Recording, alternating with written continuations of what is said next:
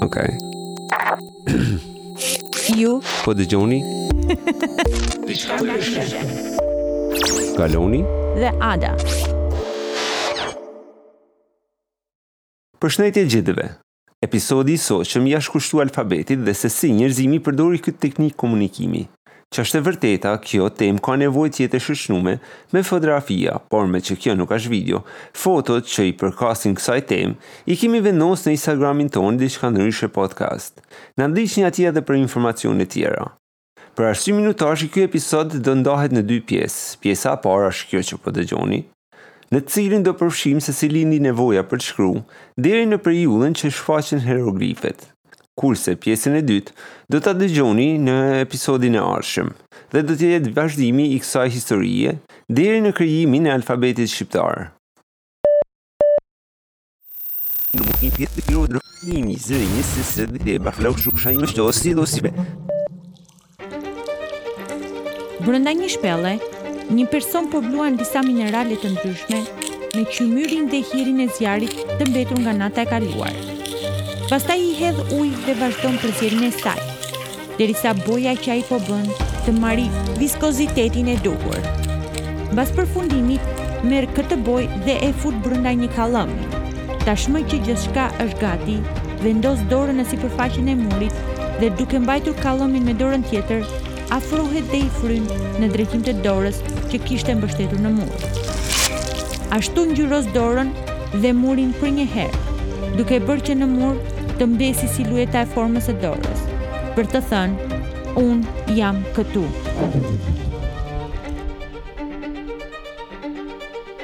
Ky është vetëm një fragment i vogël i historisë së një personi që jetoi para 10.000 vjetësh. Ne nuk e dimë kush ishte ky person, si quhej, sa jetoi apo si ishte jeta e tij.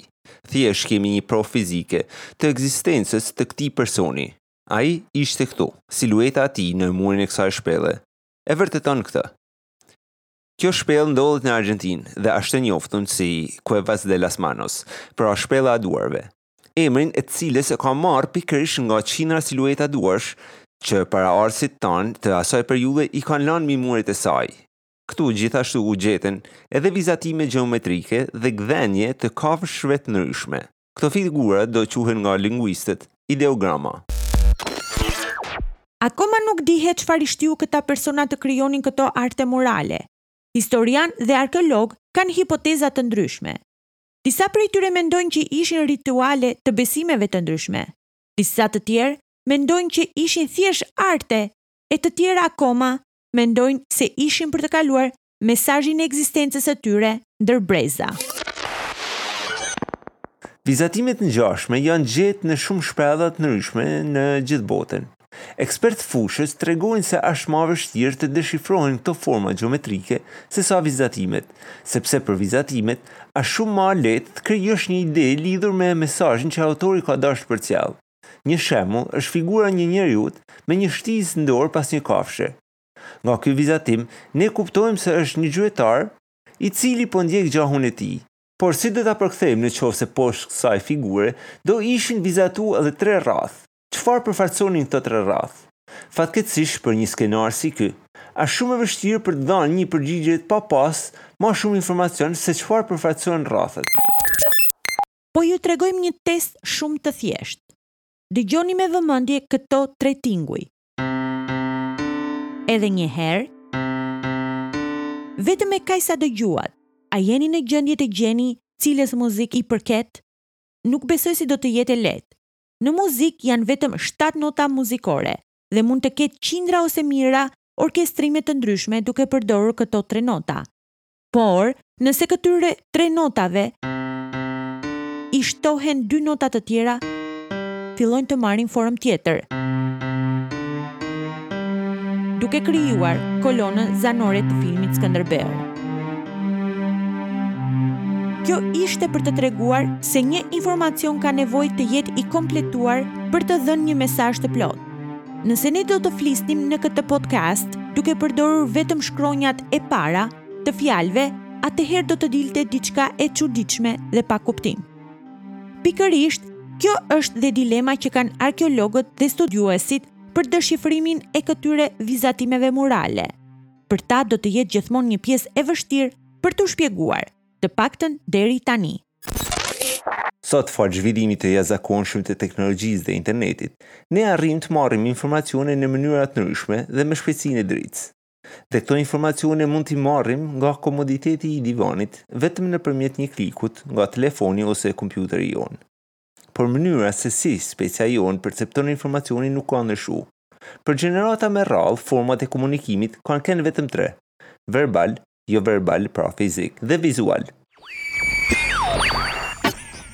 Komunikimi verbal ka qenë një nga format e komunikimit më të rëndësishme në historinë e njerëzimit dhe ka pasur një rol kyç në zhvillimin e tij.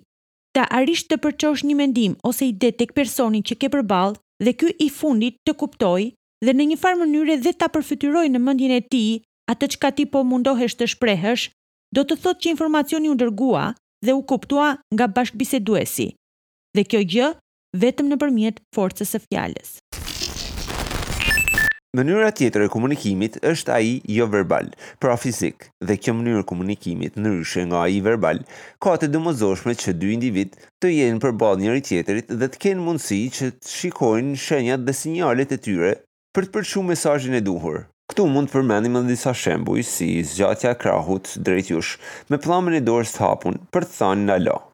pohimi ose mohimi nëpërmjet tundjes kokës, drejtimi i gishtit në një vend të caktuar për të tregu vendosjen e diçkaje dhe shumë shenja tjera. Një pjesë tjetër e kësaj është edhe gjuha e shenjave, e cila përdoret nga persona me aftësi të kufizume të cilët kanë probleme me dëgjimin dhe pa gjuhën e shenjave këto persona do ta kishin shumë të vështirë të komunikonin me njëri-tjetrin, gjithashtu edhe me ne. Sigurisht, Në këtë pjesë nuk mund të lëmë pa përmendur komunikimin vizual. Llojet vizuale të komunikimit përfshijnë shënja, harta, vizatime, e të tjera. Me anë të kësaj forme komunikimi, komunikuesit japin dhe marrin informacione në bazë të shënjave, vizatimeve apo kombinimit të ngjyrave të ndryshme në mënyrë të çrregullt. Shumë artistë dhe piktorë përdorin këtë formë komunikimi për të përcjellë te publiku mesazhe, informacione dhe emocione të ndryshme. Kjo formë komunikimi a nuk ju kujton atë djaloshin në shpellë? Sigurisht, është shumë më e avancuar se silueta e dorës, por ideja është e njëjtë. Për njerëzimin, organizimi mes njëri-tjetrit ka kenë shumë i rëndësishëm dhe ka lujt një rol shumë pozitiv për zhvillimin e shoqnisë. Sa ma e madhe që të ishte popullata e një vendi, aq ma e detajume do të ishte organizimi i saj, dhe kështu lind nevoja për të mbajt shënime. Civilizimet e para dhe ma të zhvillume ishin ato egjyptian, sumerian, kinez dhe inkat e Amerikës. Secili nga këto kishte kriju një sistem të shkrimit të veçantë, me mënyrë dhe teknikë krejt ndryshe dhe të pamvarun nga njëri-tjetri.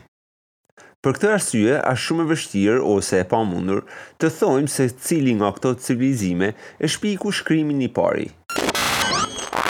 Arsyet që çuan në shpikjen e shkrimit ishin nga më të ndryshëm, duke filluar që nga regjistrimi i ushqimeve, taksimi i qytetarëve, vendosja e ligjeve e shumë e shumë të tjera. Megjithëse karakteristikat e këtyre shkrimeve ishin të ndryshme, mënyra se si ato shfaqen në fillim ishte e njëjtë. të gjithë shfaqen duke përdorur piktogramat e ku një shënjë ose vizatim i caktuar përfaqëson një fjalë. Gjatë viteve dhe me zhvillimin e mëtejshëm të këtyre civilizimeve, këto piktura u kthyen në simbole duke krijuar një shkrim të caktuar. Pra vëmë re që shkrimi është zhvilluar me të njëjtin hap që është zhvilluar dhe shoqëria e asaj kohe. Si shumë fenomene të tjera, dhe shkrimi gjatë zhvillimit të tij ka bërë që shumë shkrime të humbasin në histori. Në fillimin e Epokës Bronzit, dikun afër 3400 vjet para Krishtit, dalin në skenë paralelisht dy sisteme shkrimore, ai kuniform nga sumerianët dhe tjetri hieroglifet nga egjiptianët. Megjithëse këto civilizime ishin shumë afër njëri-tjetrit, shkrimi i tyre kishte një ndryshim shumë të madh, si nga karakteristika, ashtu edhe nga përdorimi i tyre. Shumë historianë dhe arkeologë kanë hedhë hipoteza të ndryshme se kush nga këto civilizime ishte i pari që shpiku shkrimin, por përgjigja e kësaj pyetje nuk dihet akoma. Shkrimi kuniform është shkrimi që origjinën e tij e ka nga sumerianët e lashtë dhe për herë të parë është shfaqur në Uruk, Iraku i sotëm. Shkrimi në këtë rajon ka lindur fillimisht nga nevoja për të taksuar qytetarët, në atë kohë taksat nuk ishte në formë monetare si sot, por një qytetar mund të paguante taksën në formë materiale, si për shembull me dy dele, tre qypa mjaltë, gjashtë thasë me misër, e të tjerë. Për të pasur një organizim sa më të mirë, qytetari që bënte pagesën, i dorëzohej një pllakë e vogël argjili ku në të ishin gdhendur vizatime dhe shënja të ndryshme. Çdo gjë që ai kishte dorëzuar për të bërë pagesën. Pra, me një fjalë, thjesht i jepej një faturë. Këto fatura filluan të bëhen më të ndërlikuara, ku në të, përveç produkteve, duhej të regjistrohej edhe paguesi, arsyeja e pagesës dhe koha kur ishte bërë ajo. Sa më shumë ndërlikoheshin këto fatura, aq më shumë rritesh edhe numri i simboleve që përdoreshin në to. Kjo gjë bëri që edhe personat që dinin t'i lexonin e t'i shkruanin këto simbole të bëheshin gjithnjë e më të paktë. Me kalimin e kohës vemë re që këto pllaka argjile baheshin gjithmonë ma të mdhaja dhe kjo formë shkrimit bahet gjithmonë e ma e komplikume. Njëkohësisht shpejtësia e shkruesit bahet gjithnjë e ma e shpejtë. E bashkë me të, shumica e detajeve të këtyne vizatimeve fillojnë e lehen mbas dore. Kjo vehet re tek shenja që përfaqësonte delen. Fillimisht kjo vizatohej thjesht si një dele. Ma vonë u reduktu duke e vizatu vetëm kokën e saj, derisa arrin në atë pikë ku vizatimi i deles të kthehet në një shenjë, i cili paraqitet si një rrath ku brenda tij kishte një kryq. Këtu fillon edhe kalimi i shkrimeve nga piktograma në protograma, në të cilën nuk janë ma pikturat që shprehin fjalët, por simbolet e caktuara për ta. Ky shkrim shkruhet duke përdorur një shkap ose pykë të vogël për të shtyp shenjat e caktuara në një pllakë balte, e cila ma vonë do lihet në diell për t'u tharë ose do piqet me zjarr. Pikërisht nga kjo mënyrë ky lloj shkrimi do marrin edhe emrin e tij të quajtur cuneiform, i cili vjen nga latinishtja dhe do të thotë formë pyke. Me kalimin e kohës, mënyra e të shkruarit do të pësojë një ndryshim revolucionar. Ky ndryshim qëndron në faktin që shenjat dhe simbolet fillojnë të përdoren për tingullin që japin, jo më për atë për çfarë përfaqësojnë. Kjo bëri eliminimin e shenjave të tepërta duke përdorur të njëjtën shenjë ose simbol për përfaqësimin e dy ose më shumë fjalëve.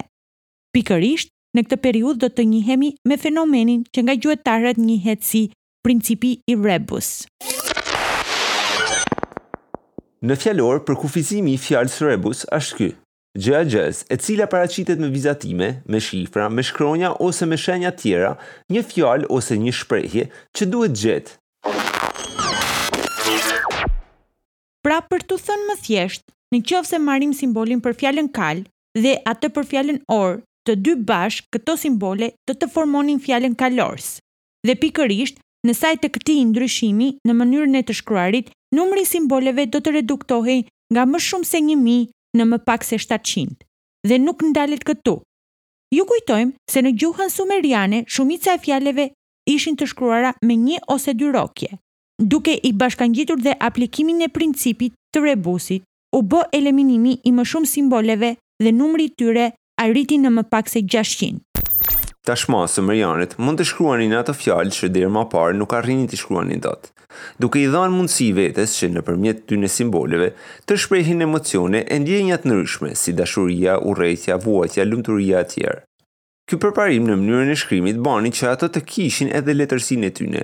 Një nga veprat e shkruara me shkrimin kuniform ka arritur tek ne dhe ai është Epi i Gilgameshit.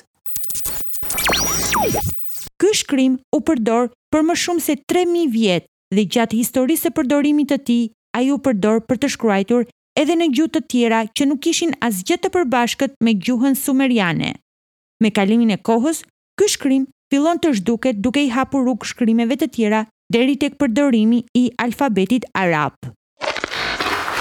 Për sa i përket hieroglifeve, edhe këto, si çdo shkrim tjetër, do shfaqen në mënyrë piktografike, me të vetmin ndryshim se shumica e karaktereve do të qëndrojnë të pandryshume për shekuj me radhë, dhe kjo menohet që është ba në mënyrë të qëllimshme nga egjiptianët, sepse hieroglifet për ta ishin shkrime të shejta.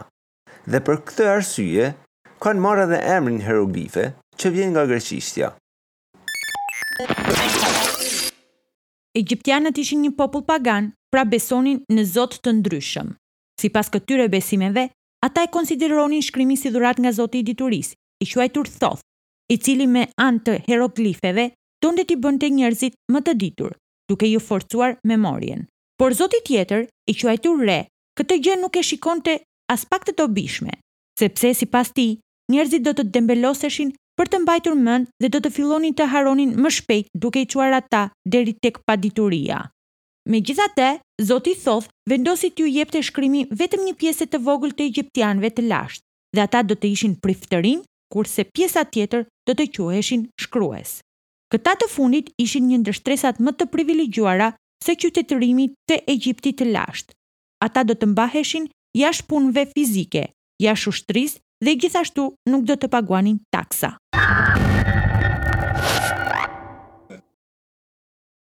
Egjiptianët besonin se shkrimi ishte e vetmja rrugë për mos me hup kujtesën, dhe për diçka që të bahej realitet, duhej shkruhej me hieroglifet, prandaj gdhenja e tyre nër gur do ishte e pavdekshme. Këtu linde edhe tradita për të shkru në piramida në vende të shejta. Ndër ato gurë do shkruhet historia e tyne, duke na lanë të dokumentume gjithçka për perënditë, faraonët dhe besimet që ato kishin. Karakteristikë e hieroglifeve nuk është vetëm bukuria dhe madhështia e tyre, por edhe shkrimi, nga ana e majtë në të djathtë, dhe anasjelltas, me qëllim ruajtjen e këtij shkrimi. Për të kuptuar se ku fillon fjalia, mjafton të shikojmë se nga cila anë janë të drejtuara figurat. Heroglifet nuk shkruheshin vetëm në gure, por shkruheshin edhe në një pëlhurë të veçantë që egjiptianët e lashtë e quanin papirus. Për të shkruar heroglifet, egjiptianët e lashtë përdornin një ndërthurje alfabetike të veçantë, me simbole piktura ose rrokje e shenja që përdoreshin për përfaqësimin e fjalëve të ndryshme. Me kalimin e kohës shikojmë se egjiptianëve i lind nevoja për të përdorur një shkrim ma të thjeshtë, sidomos për shkrimin e dokumentave tyne. Duke u bazu te heroglifet dhe duke marrë një pjesë tyne, ato krijojnë një shkrim të ri, që quhet heraik. Ky shkrim do përdoret për gati dy mijë vjet, duke i hapë rrugën shkrimit demotik që do të kthehet në shkrimin e thjeshtë të popullit tyne. Për sa i përket heroglifeve, fati i tyre do të vendose nga perandori bizantin Theodosis, i cili në vitin treqind e nëntëdhjetë e një do të mbyllte të gjithë tempujt pagane në të gjithë perandorinë bizantine dhe bashkë me këtë do të zhduket dhe historia e kuptimi i heroglifeve. Pas kësaj do të kalojnë më shumë se një mijë e pesëqind vjet që të bëhet deshifrimi i tyre. Kjo gjë do të ndodhte në vitin një mijë e shtatëqind e nëntëdhjetë e nëntë, gjatë pushtimit të Egjiptit nga ushtria franceze, me në krye Napoleon Bonapartin. Gjatë kësaj periudhe, u zbulu dhe Guri i Rozetës. Në këtë gur, ishte e shkruar historia e perandorit Ptolemi i pestë në tre shkrime, me heroglife, demotike dhe greke. Shënimet që u gjetën mbi këtë gur u përdorën nga shumë studiues e dijetarë të ndryshëm që u munduan që t'i përkthejnë e të deshifrojnë heroglifet. Por titullin për zgjedhjen e këtij misteri do t'i atribohet egjiptologut francez Jean Francisco Complion i cili arriti ta bënte këtë gjë, dhe falë tij, sot ne kemi më shumë njohuri mbi civilizimin e lashtë egjiptian.